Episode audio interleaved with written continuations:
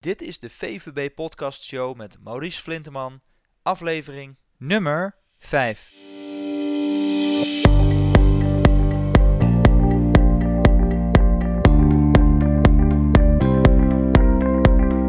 Welkom bij de VVB Podcast Show, waarin je luistert naar experts die je voorzien van de beste informatie, tips en tricks om het rendement op je vermogen te optimaliseren.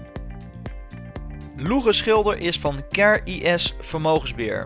CareIS heeft in 2015 de Gouden Stier gewonnen voor beste vermogensbeheerder. CareIS belegt in ETF's en onderscheidt zich door de focus op risicobeheersing. Vanaf 2016 kunnen klanten ook vanaf 15.000 euro beleggen via het duurzame Accento. Goedemorgen Loege Schilder van CareIS. Goedemorgen Maurice. Vandaag gaan we het uh, over het onderwerp uh, risico uh, bij beleggen bespreken. ja, natuurlijk een ontzettend belangrijk onderwerp, want ja, zonder risico ook geen rendement. dus het is iets wat, wat jullie waarschijnlijk dagelijks bezighoudt. En ja, laten we maar gelijk starten met, met de volgende vraag. Um, wat is wat jou betreft de nummer 1 valkuil waar de meeste vermogende particulieren veel geld laten liggen of zelfs veel geld verliezen als het gaat om uh, risico bij beleggen, Loegen? Um, ik denk dat de, de meeste mensen het risico onvoldoende kunnen inschatten. En dat ze dan, als het risico optreedt, uh, ermee geconfronteerd worden en dan de, de, de, de, automatische reactie laten zien. Dus als je. Uh, wij, wij, wij onderscheiden risico en welk risico kun je lopen en welk risico wil je lopen. Ja. Welk risico kun je lopen? Dat is uh, financieel. Hè? Als, ik, uh, als ik vermogen heb en ik heb het op een bepaald moment nodig, dan moet het er wel zijn. bijvoorbeeld bij pensioenuitkeringen zie je dat. Ehm, en risico, welk risico wil je lopen? Dat is vanaf wanneer lig je nou wakker? Ja. En, en vooraf hebben mensen helemaal niet het idee dat ze heel zenuwachtig worden bij een bepaalde beweging. Uh, uh, of juist andersom, dat ze zeggen: ik, ik wil niet dat het te veel daalt en als het dan gebeurt, dan, dan ligt het eigenlijk helemaal niet wakker van. Maar, maar vooral die mensen die, die zeggen: Nou ja, weet je, ik weet dat, dat leggen onzeker is. en, en dan, en dan krijg, komt er een Brexit aan en dan gaan ze in één keer denken: van oei als die Brexit komt, heb ik dan niet, uh, ga ik dan niet tegen grote verliezen aanlopen? En wil ik dat eigenlijk wel? Ja. En, en, en als ze er dan wakker van liggen, ja, dan, dan is het meestal verstandiger om uh, toch te liquideren. Maar dat is, dan, dat is dan vaak op het verkeerde moment.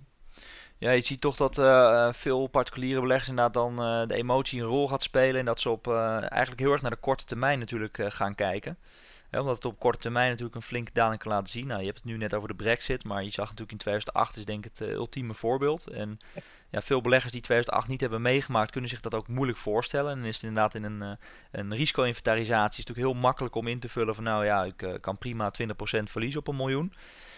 maar als het dan echt daadwerkelijk in de praktijk gebeurt, dan zie je toch dat beleggers vaak heel anders reageren. Ja, dat is één. En twee is, um, wat, wat we dus nu al, al zien onder, onder klanten als het, als het uh, zenuwachtig wordt. En dat, dat is nu bij die Brexit, uh, valt dat allemaal wel mee. Hè? Want in Europa uh, weegt het wat zwaarder, maar wereldwijd trekken, trekken men zich er niet zoveel van aan. Maar bijvoorbeeld in, in 2015, toen die Chinese beurs zo hard onderuit ging, ja, dan zie je toch wel dat mensen zichzelf daar pas leren kennen. En in 2008 was, was, was dat pas het begin. Hè? In 2008 ging het uiteindelijk 60% omlaag. Ja. Mensen kunnen dat zich helemaal niet voorstellen vooraf. Wat er dan, wat er dan allemaal gebeurt. En dan, toen stond de hele wereld in de brand. Ja, voor, vooraf uh, kun je je geen voorstelling maken bij wat er dan gebeurt. En, en uiteindelijk zie je dan toch dat veel mensen die uh, nu bijvoorbeeld gaan beleggen, omdat ze de spaarrente te laag vinden, uh, maar misschien eigenlijk toch geen beleggers zijn, ja, die haken dan af. En, en meestal op het verkeerde moment. Ja. Dus, dus ik geef vaak het voorbeeld. Uh, bij 10% da- als de man bijvoorbeeld, dan, dan, dan zitten ze bij in de spreekkamer en dan zegt de man, ja, ik denk toch dat we moeten gaan beleggen. En dan zegt die vrouw, ja, we hebben al eerder belegd, hè. En dat, dat was dan natuurlijk in 2000.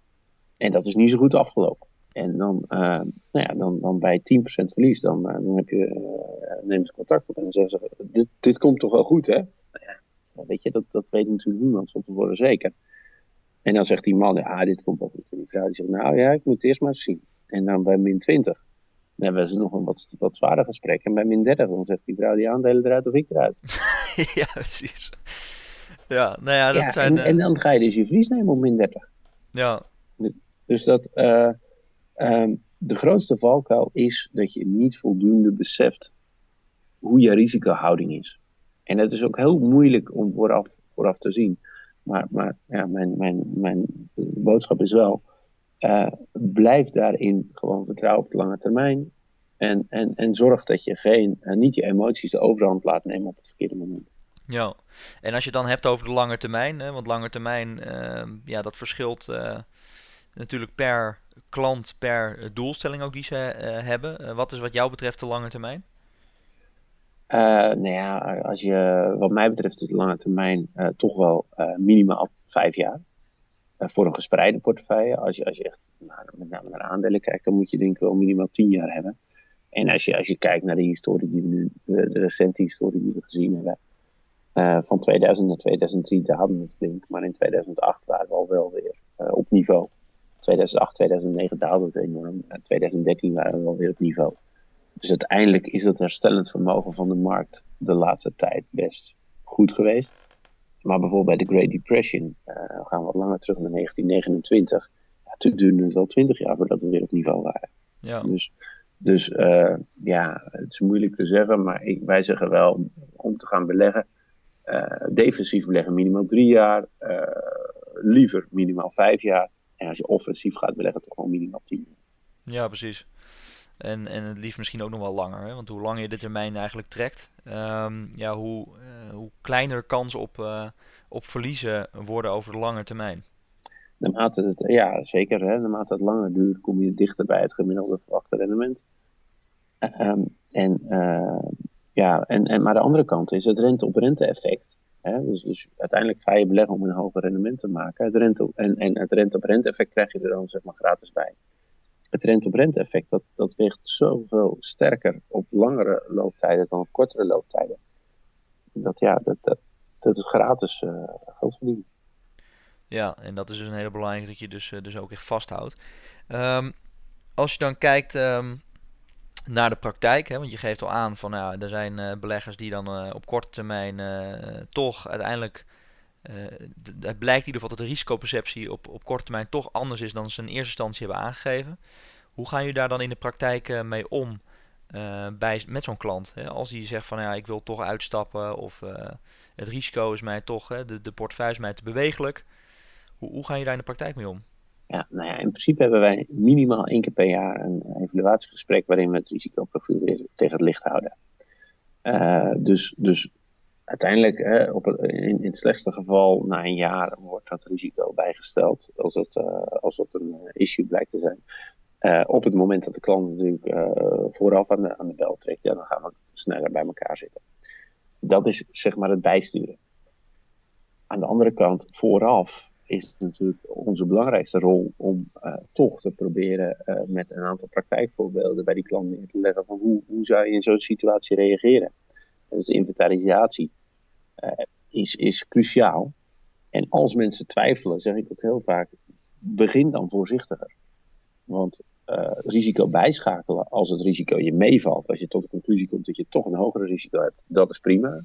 Dan, dan, dan, heb je, uh, dan is het waarschijnlijk goed gegaan. Dan concludeer dat je eigenlijk wel wat meer risico kon lopen. En nou ja, dan, prima, dan heb je wat, wat opportunity gemist. Maar aan de andere kant, risico terugschakelen ja, dan heb je waarschijnlijk een negatieve beursperiode gehad. Heb je een verlies geleden. En dan is het heel lastig om je risico terug te schakelen. Want ja, dan wil je, dan wil je uh, de meeste mensen willen dat verlies toch goed maken. En met een lager risico duurt dat waarschijnlijk langer. Ja. Dus wij zijn dan altijd vooraf, zitten we aan de voorzichtige kant. Ja, en dat is natuurlijk het lastig, hè? want uh, wat je zegt, uh, als je risico achteraf uh, blijkt dat het, dat, dat het risico te hoog is geweest, ja, dan loop je eigenlijk achter de feiten aan. En daaruit blijkt ook uit, de praktijk dat eigenlijk geen enkele belegger natuurlijk verlies wil, uh, wil leiden. Alleen ja, dat het erbij hoort, dat is iedereen wel bekend. Alleen ja, sommigen die accepteren dat toch dan niet helemaal. Nee, dus je moet, je moet uh, van tevoren, uh, voordat je eigenlijk de relatie aangaat, voordat je die portefeuille gaat invullen, moet je gewoon heel goed samen stilstaan bij wat de wens van de klant is. En, en soms weet hij dat zelf, of soms heeft hij dat zelf niet goed in beeld. Uh, ja, wat zijn je doelen? Wat is je looptijd? En wat is je risicohouding die je wil lopen en die je kunt lopen? En dan, uh, ja, ik denk ook dat dat misschien wel onze belangrijkste toegevoegde waarde is. Ja, om, om dat goed in kaart te brengen en, en daar beleggers voor te behoeden dat ze, dat ze te veel of te weinig uh, risico gaan lopen. Aan de andere kant is het natuurlijk ook zo, op het moment dat jij te weinig risico loopt, maar je hebt een horizon uh, van, van 10, 20 jaar en je hebt een bepaalde doelstelling die je uiteindelijk wil gaan behalen. Hè, bijvoorbeeld uh, het opbouwen van je pensioen. Ja, dan moet je op een gegeven moment ook een bepaald risico lopen om je doelstelling te kunnen behalen. En dat is natuurlijk de andere kant van het verhaal. Ja, hoe, ja maar die is natuurlijk nooit zo ingewikkeld, hè? Dus als je, als je zegt, joh, uh, jij wil op je 60ste met pensioen, dan heb je 1,2 miljoen nodig om uh, 60.000 euro te onttrekken gedurende de rest van je leven. En als je, als je gaat sparen, dan moet je per jaar 25.000 euro storten inleggen. Maar, en als je gaat beleggen, dan, kun je, dan kun je met 18.000 euro kom je er. En nou ja, goed, dan is het voor diegene een, een redelijk eenvoudige afweging. Uh, wat hij dan wil. Het maakt mij uiteindelijk niet uit of hij voor weinig risico of veel risico kiest, maar er zitten gevolgen aan vast. Ja. En als hij, als hij maar lang genoeg de tijd heeft, dan zijn ze meestal wel bereid om, die, uh, om, die, uh, om dat risico te lopen. Zeker ook omdat als je, dus als je dan tegen een grote daling aan loopt en je, en je stapt periodiek in, ja, dan koop je ook weer goedkoop aan. Hè? Ja. Dus Kun je dat, dat iets meer toelichten? Uh, ja, zeker. Dus, dus stel eventjes iemand uh, die, die stoort jaarlijks 25.000 euro. Hij begint in jaar 1 en uh, de beurs daalt met 5, hij zit 100% in aandelen en de beurs daalt met 50%. Dan gaat, hij, dan gaat zijn vermogen naar 12,5. Maar vervolgens kan hij twee keer zoveel aandelen kopen van zijn volgende 25.000 euro storting als in het eerste jaar. Dus hij heeft zeg maar drie, drie aan aandelen. Nou, als die beurs dan weer aantrekt naar 25, dan, heeft hij, uh, dan is zijn eerste uh, tranche weer op niveau. Maar zijn tweede stukje, wat hij, wat, wat hij zeg maar voor de helft heeft gekocht, daar heeft hij dan 100% rendement op gehaald. Ja. Ja, en, en als je dat theoretisch zo uh, bekijkt en benadert, dan klinkt dat vrij logisch. Maar in de praktijk zie ik dan ook vaak dat beleggers zeggen: ja, die beurs is nu 10% naar beneden gegaan. Ik blijf nog wel even aan de zijlijn staan, want ik, ik weet toch niet wat er gaat gebeuren. Wat, wat is jouw, jouw advies is dan in zo'n uh, situatie gewoon toch, toch in te stappen en gestaffeld te gaan beleggen? En mijn advies is eigenlijk altijd: hou je aan het plan. Dus als je, en, en ook daar geldt weer die emotie, als je van tevoren hebt vastgesteld: ik heb, ik heb die, die storting nodig jaarlijks om op mijn doel uit te komen. en nou ja, het, het, het, het, loopt anders dan je gedacht had hou je, uh, maar je hebt nog lang de tijd en, en de kansen zijn niet enorm veranderd, hou je dan toch aan het plan. Uh, zeker als die looptijd nog lang is. Als die looptijd korter is, ja, dan moet je wel gaan bijsturen natuurlijk.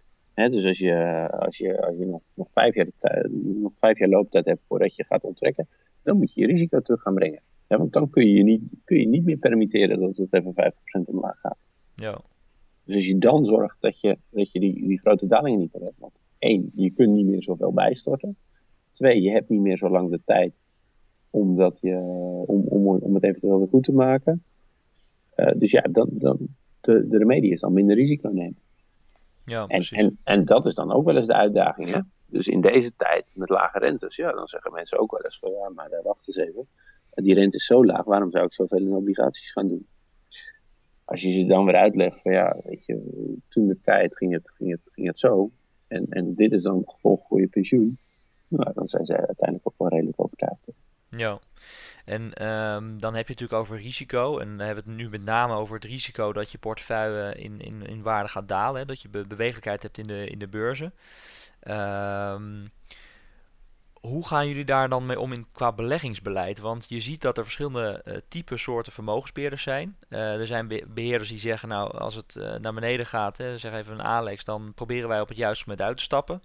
Nou, is dat, is dat heel erg lastig. Je ziet ook partijen die over de lange termijn ehm, belegd blijven, ook als de markt naar beneden gaat.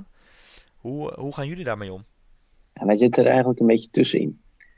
Dus wij zeggen wel, uh, onze, onze kern, een van onze kernpunten is dat we vermogensbehoud uh, belangrijker vinden dan extreme vermogensgroei. En ehm, wij weten ook dat het moeilijk is om uit te stappen. De andere kant is, als het 2008 is, dan kun je tot zulke enorme verliezen komen. En dat duurt dan zo lang voordat je dat goed maakt. Dat, dat loont dan echt de moeite om uit te stappen. Maar wij, wij hebben een soort combinatie van die twee. Dus enerzijds hebben wij in onze portefeuille, proberen wij uh, die titels te kopen die niet extreem hoog gewaardeerd zijn. Dat is stap 1. Hè? Dus je, je koopt titels waarop je gewoon een net rendement krijgt. Stap 2 is dat we binnen zo'n categorie die titels kopen die minder gevoelig zijn voor een dalende beurs. Dat zal ik zo uh, uitleggen. En stap 3 is, ja, als het echt allemaal in de brand staat, dan is het toch verstandig om een paar stapjes van het vuur weg te gaan. Ja, alleen de moment om, om dat te bepalen is natuurlijk, is natuurlijk vrij lastig. Hè? Want uh, in 2008 ook, uh, dan zag je het op een aantal dagen zo uh, extreme dalingen naar voren komen. Dus ja, ga je dan, ga je dan uitstappen? Ja, ik denk, dus, ik denk dus dat je daarvoor al moet zijn uitgestapt.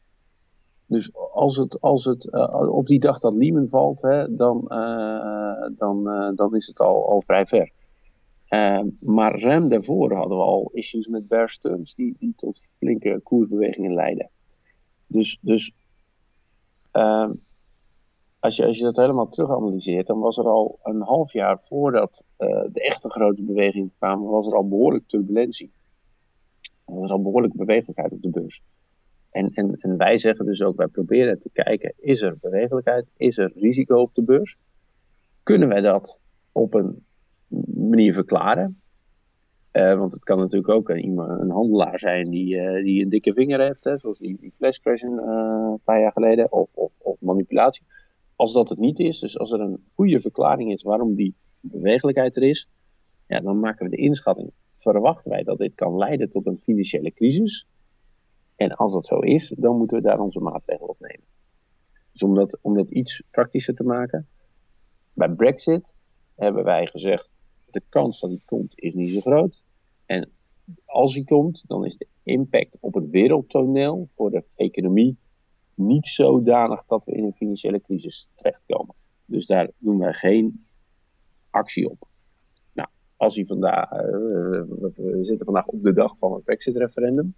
Als hij toch komt, nou, dan, dan gaan we dat natuurlijk uh, weer opnieuw bekijken. Maar uh, een ander geval, dat was vorig jaar toen de Chinese economie uh, onder druk kwam te staan. Dus toen hadden we een mogelijke harde landing van de Chinese economie, die inmiddels de grootste ter wereld is. We hadden dieselproblematiek bij Volkswagen, waar 1,3 miljoen mensen in hun inkomen direct van afhankelijk zijn. We hadden de vluchtelingenproblematiek in Europa. En we hadden de lage olieprijs, die misschien een aantal landen onder druk kon zetten, zoals Rusland en Brazilië. Mm -hmm. Toen hebben wij gezegd, ja, jongens, al deze ingrediënten bij elkaar is voldoende om een, of, of kan uh, met, een, met een redelijke kans tot een financiële crisis leiden. Dus halen wij ons, het geld van onze klanten uit, gedeeltelijk uit de markt. Dus, dus voor ons is het cruciaal, zien wij een, een, een, een financiële crisis, uh, inklappende winsten van bedrijven.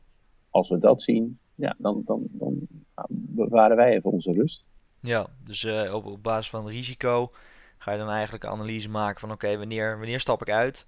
En uh, wanneer wordt het eigenlijk uh, mij en dus ook mijn klanten te heet onder de voeten? En proberen we ja. daar, probeer je daar in ieder geval op te anticiperen. Met het gevolg dat je een keer fout kan zitten. Maar, ja, die, die crisis komt niet in alle gevallen. Nee. Soms dan, dan is de politiek of de, of de centrale bank krachtig genoeg om het op te lossen. En soms zijn de problemen zo groot dat ze het niet kunnen oplossen. Dus, maar, dus de ene keer komt hij wel, de andere keer komt hij niet. Ja, dat weet je natuurlijk nooit van tevoren. Maar ja, dat is, dat is net als met verzekeringen.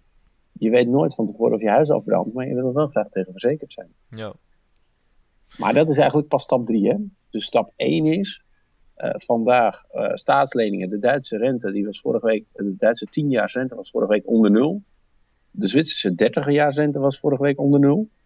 Ja, dat, dat, dat, als je dat gaat kopen, dan weet je dus dat je rendement beperkt is. En als de rente weer een keer gaat stijgen, dat de koersdalingen best aanzienlijk kunnen zijn. Dus dat zijn bijvoorbeeld risico's waarvan wij zeggen, ja, die gaan we niet lopen. Omdat het risico dat ze weer, uh, dus ze zijn, de koersen zijn enorm hoog. Het rendement is betrekkelijk laag. Nou, dat, dat, dat, dat risico hoeven wij niet te lopen. hetzelfde geldt voor vastgoed. Dus ook hartstikke duur tegenwoordig. Ja, dat, dat, daar, als het super hoog gewaardeerd is, dan is het risico op een koersdaling groter. Ja, dat, dat risico gaan we dan uit de weg. Ja, het is alleen natuurlijk lastig om dat te bepalen, want vastgoed uh, is natuurlijk ook een, een, aspect. Ja, het staat hoog gewaardeerd, maar ja, de afgelopen uh, jaren... Het kan nog een stuk hoger, ja. uh, klopt. Maar goed, diegene die, dat, die voor deze rendementen dat risico wil lopen, die, die, die, mag van mij ook dat rendement verdienen. Ja. En, maar wij doen dat. Wij zeggen van ja, een deel van risicobeheer is zaken die te hoog staan niet kopen. Ja, helder. En dat is misschien wel, dat is, nou, dat is dan stap 1. Uh, stap 2 is binnen de portefeuille de de, de, de, die titels kopen die wat minder gevoelig zijn voor koersdalingen. En wat ik daarmee bedoel zijn bijvoorbeeld uh, uh, quality aandelen. dat, quality dat, is, dat zijn aandelen die een goede winstgevendheid hebben, een stabiele winstgroei en een goede winstmarge. Dus die bedrijven, en, en een voorbeeld daarvan is Coca-Cola, een voorbeeld daarvan is BlackRock en Nike. Dat zijn uh, bedrijven die hebben een goede winstmarge, een sterk merk meestal ook. Op het moment dat de economie dan wat tegen zit, nou ja, dan, en zij moeten ook wat aan hun, aan hun prijzen doen, ze moeten hun prijs wat verlagen, dan is hun winstmarge nog groot genoeg dat ze toch nog wel een stukje winst houden. Je hebt daar tegenover bedrijven die bijvoorbeeld een hele productiebedrijven die een hele kleine winstmarge hebben. Nou, stel nou dat die beurs omlaag gaat, dan, dan zijn we snel geneigd om afscheid te nemen van de bedrijven met een kleine winstmarge. En dan, dan duiken we in de veilige aandelen met een grotere winstmarge, zoals Unilever ook. En die bedrijven blijven dan veel beter liggen. Uh, andere bedrijven die wat defensiever zijn, dat zijn bijvoorbeeld minimum volatility aandelen. Dus dat zijn uh, McDonald's en Microsoft. Dat zijn bedrijven die hebben eigenlijk niet zoveel te maken met de brede economie, omdat ze zo'n positie hebben. Ja, dat gaat eigenlijk altijd wel goed. In tegenstelling tot bedrijven die juist wel heel afhankelijk zijn van, uh, van, van, van beurzen. Dus uh, nou, misschien een, iets ouder voorbeeld, maar UPC, ja, die, was, die was enorm uh, aan het investeren om maar klanten te krijgen. En het maakte niet zoveel uit of die klanten op lange termijn pas winstgevend waren. Hè, dus die waren ook veel schuld op toen de tijd in 2000. Maar die, zolang die beurs steeg, ja, was er kapitaal genoeg om dat te financieren. Dus de beurs ging harder omhoog. Zij hadden meer kapitaal om nieuwe klanten aan te sluiten. Ja. Ja, toen de beurs één keer daalde, toen ging dat helemaal de andere kant op natuurlijk. Dus dat zijn de bedrijven die gaan sneller omhoog als de beurs stijgt, maar ook sneller omhoog als de beurs daalt. Oh, sneller omlaag als de beurs daalt, excuus.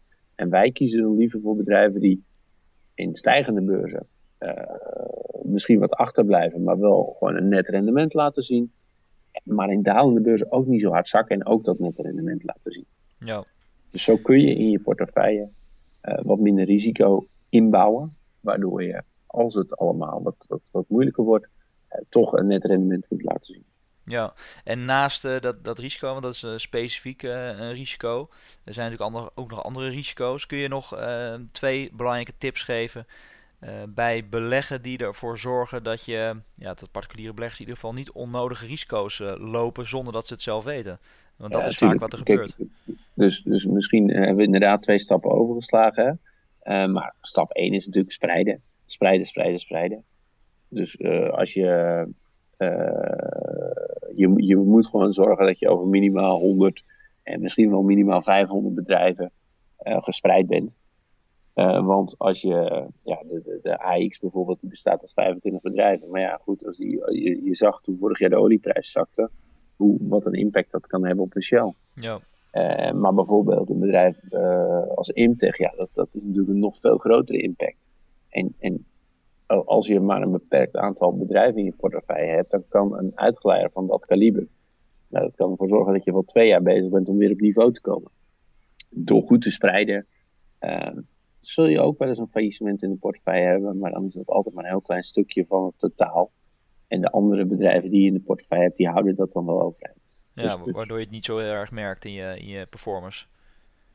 Ja, waardoor je, waardoor je vermogen altijd een bepaald, op een bepaald niveau blijft. En je dus nooit eh, geconfronteerd wordt met extreme verliezen. Ja. Ja. Want je gaf net al aan eh, wat individuele titels, individuele bedrijven, eh, zoals een McDonald's, maar ook een Nike. Ehm, jullie beleggen eh, middels eh, ETF's.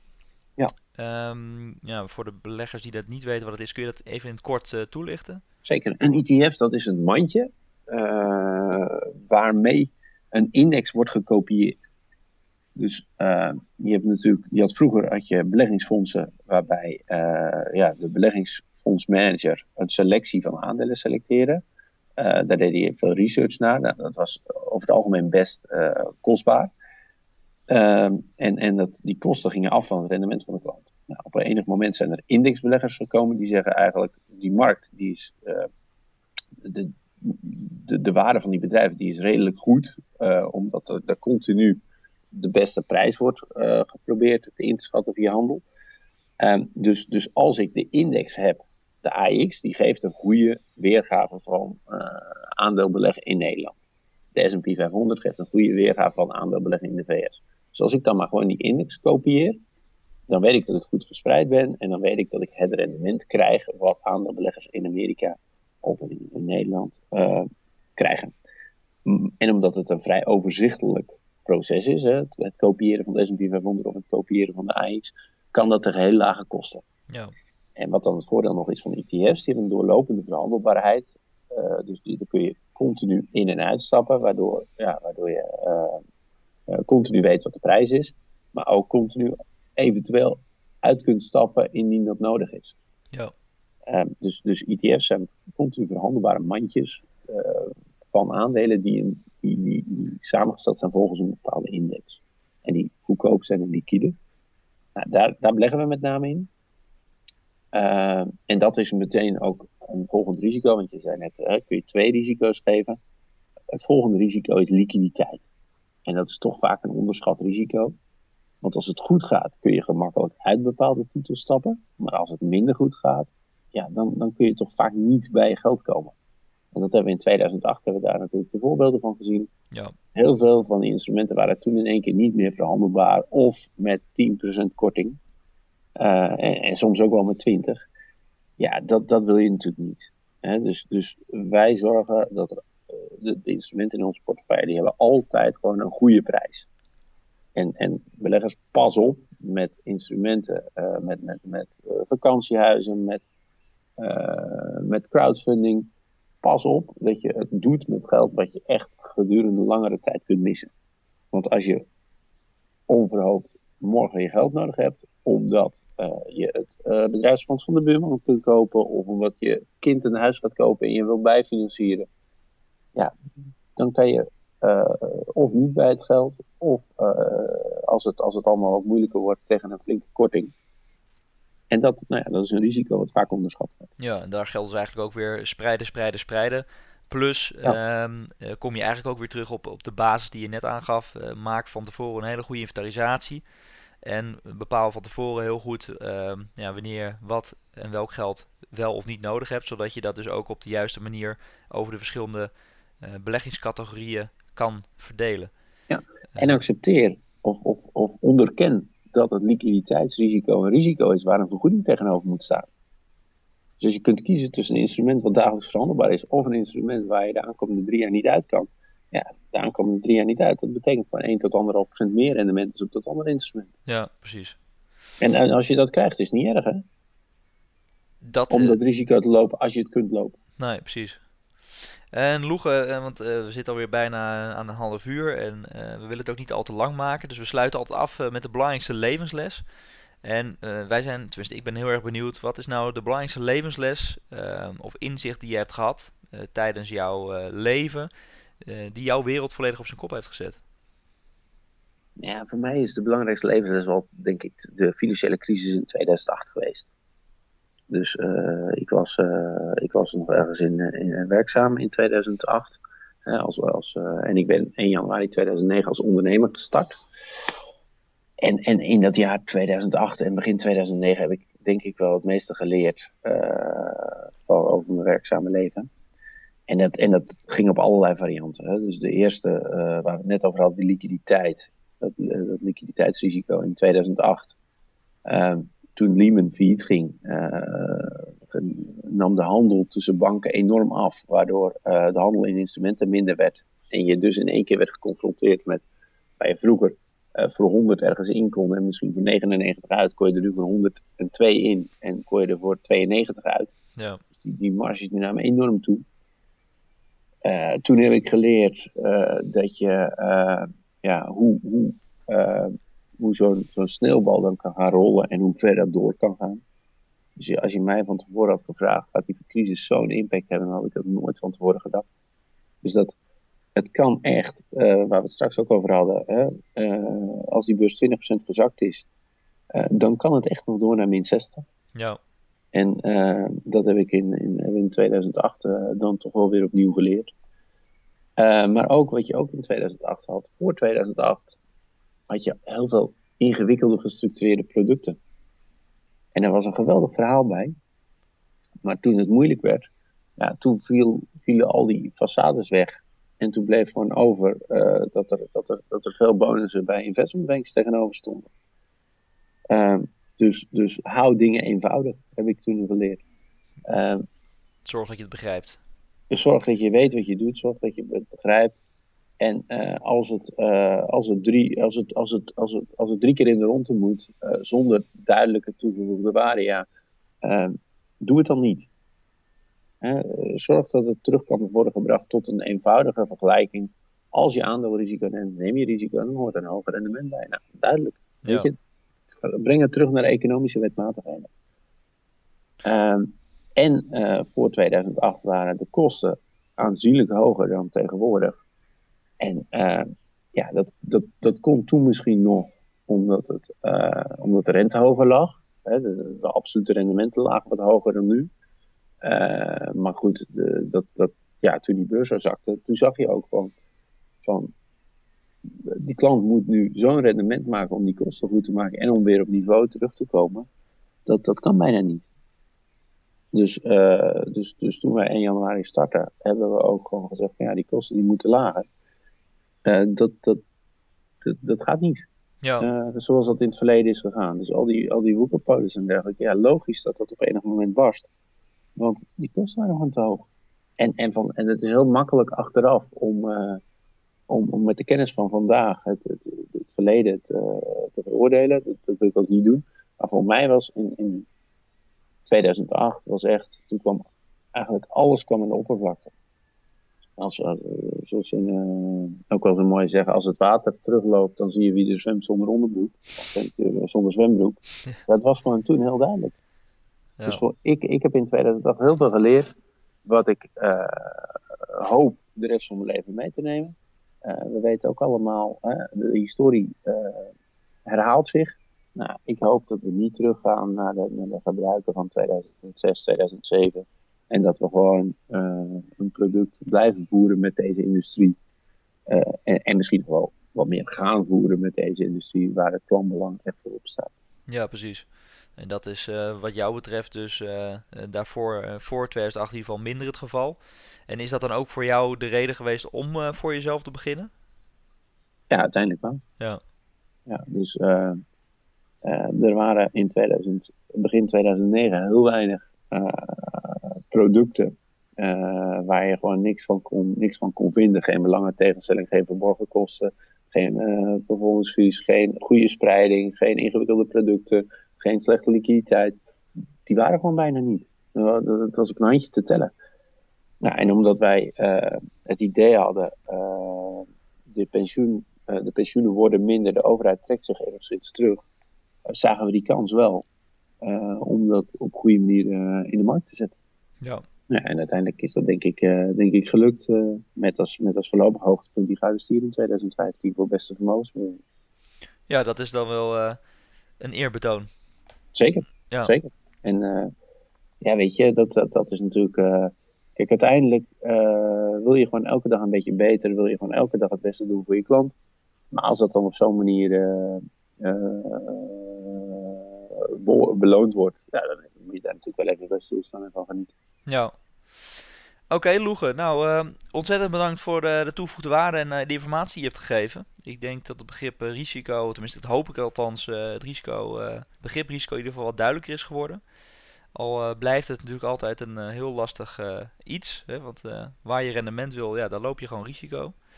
Ehm, ik wil in ieder geval hartstikke bedanken ehm, voor de toevoegde waarde. En ehm, ja, we spreken elkaar eh, eh, vast en zeker in de toekomst.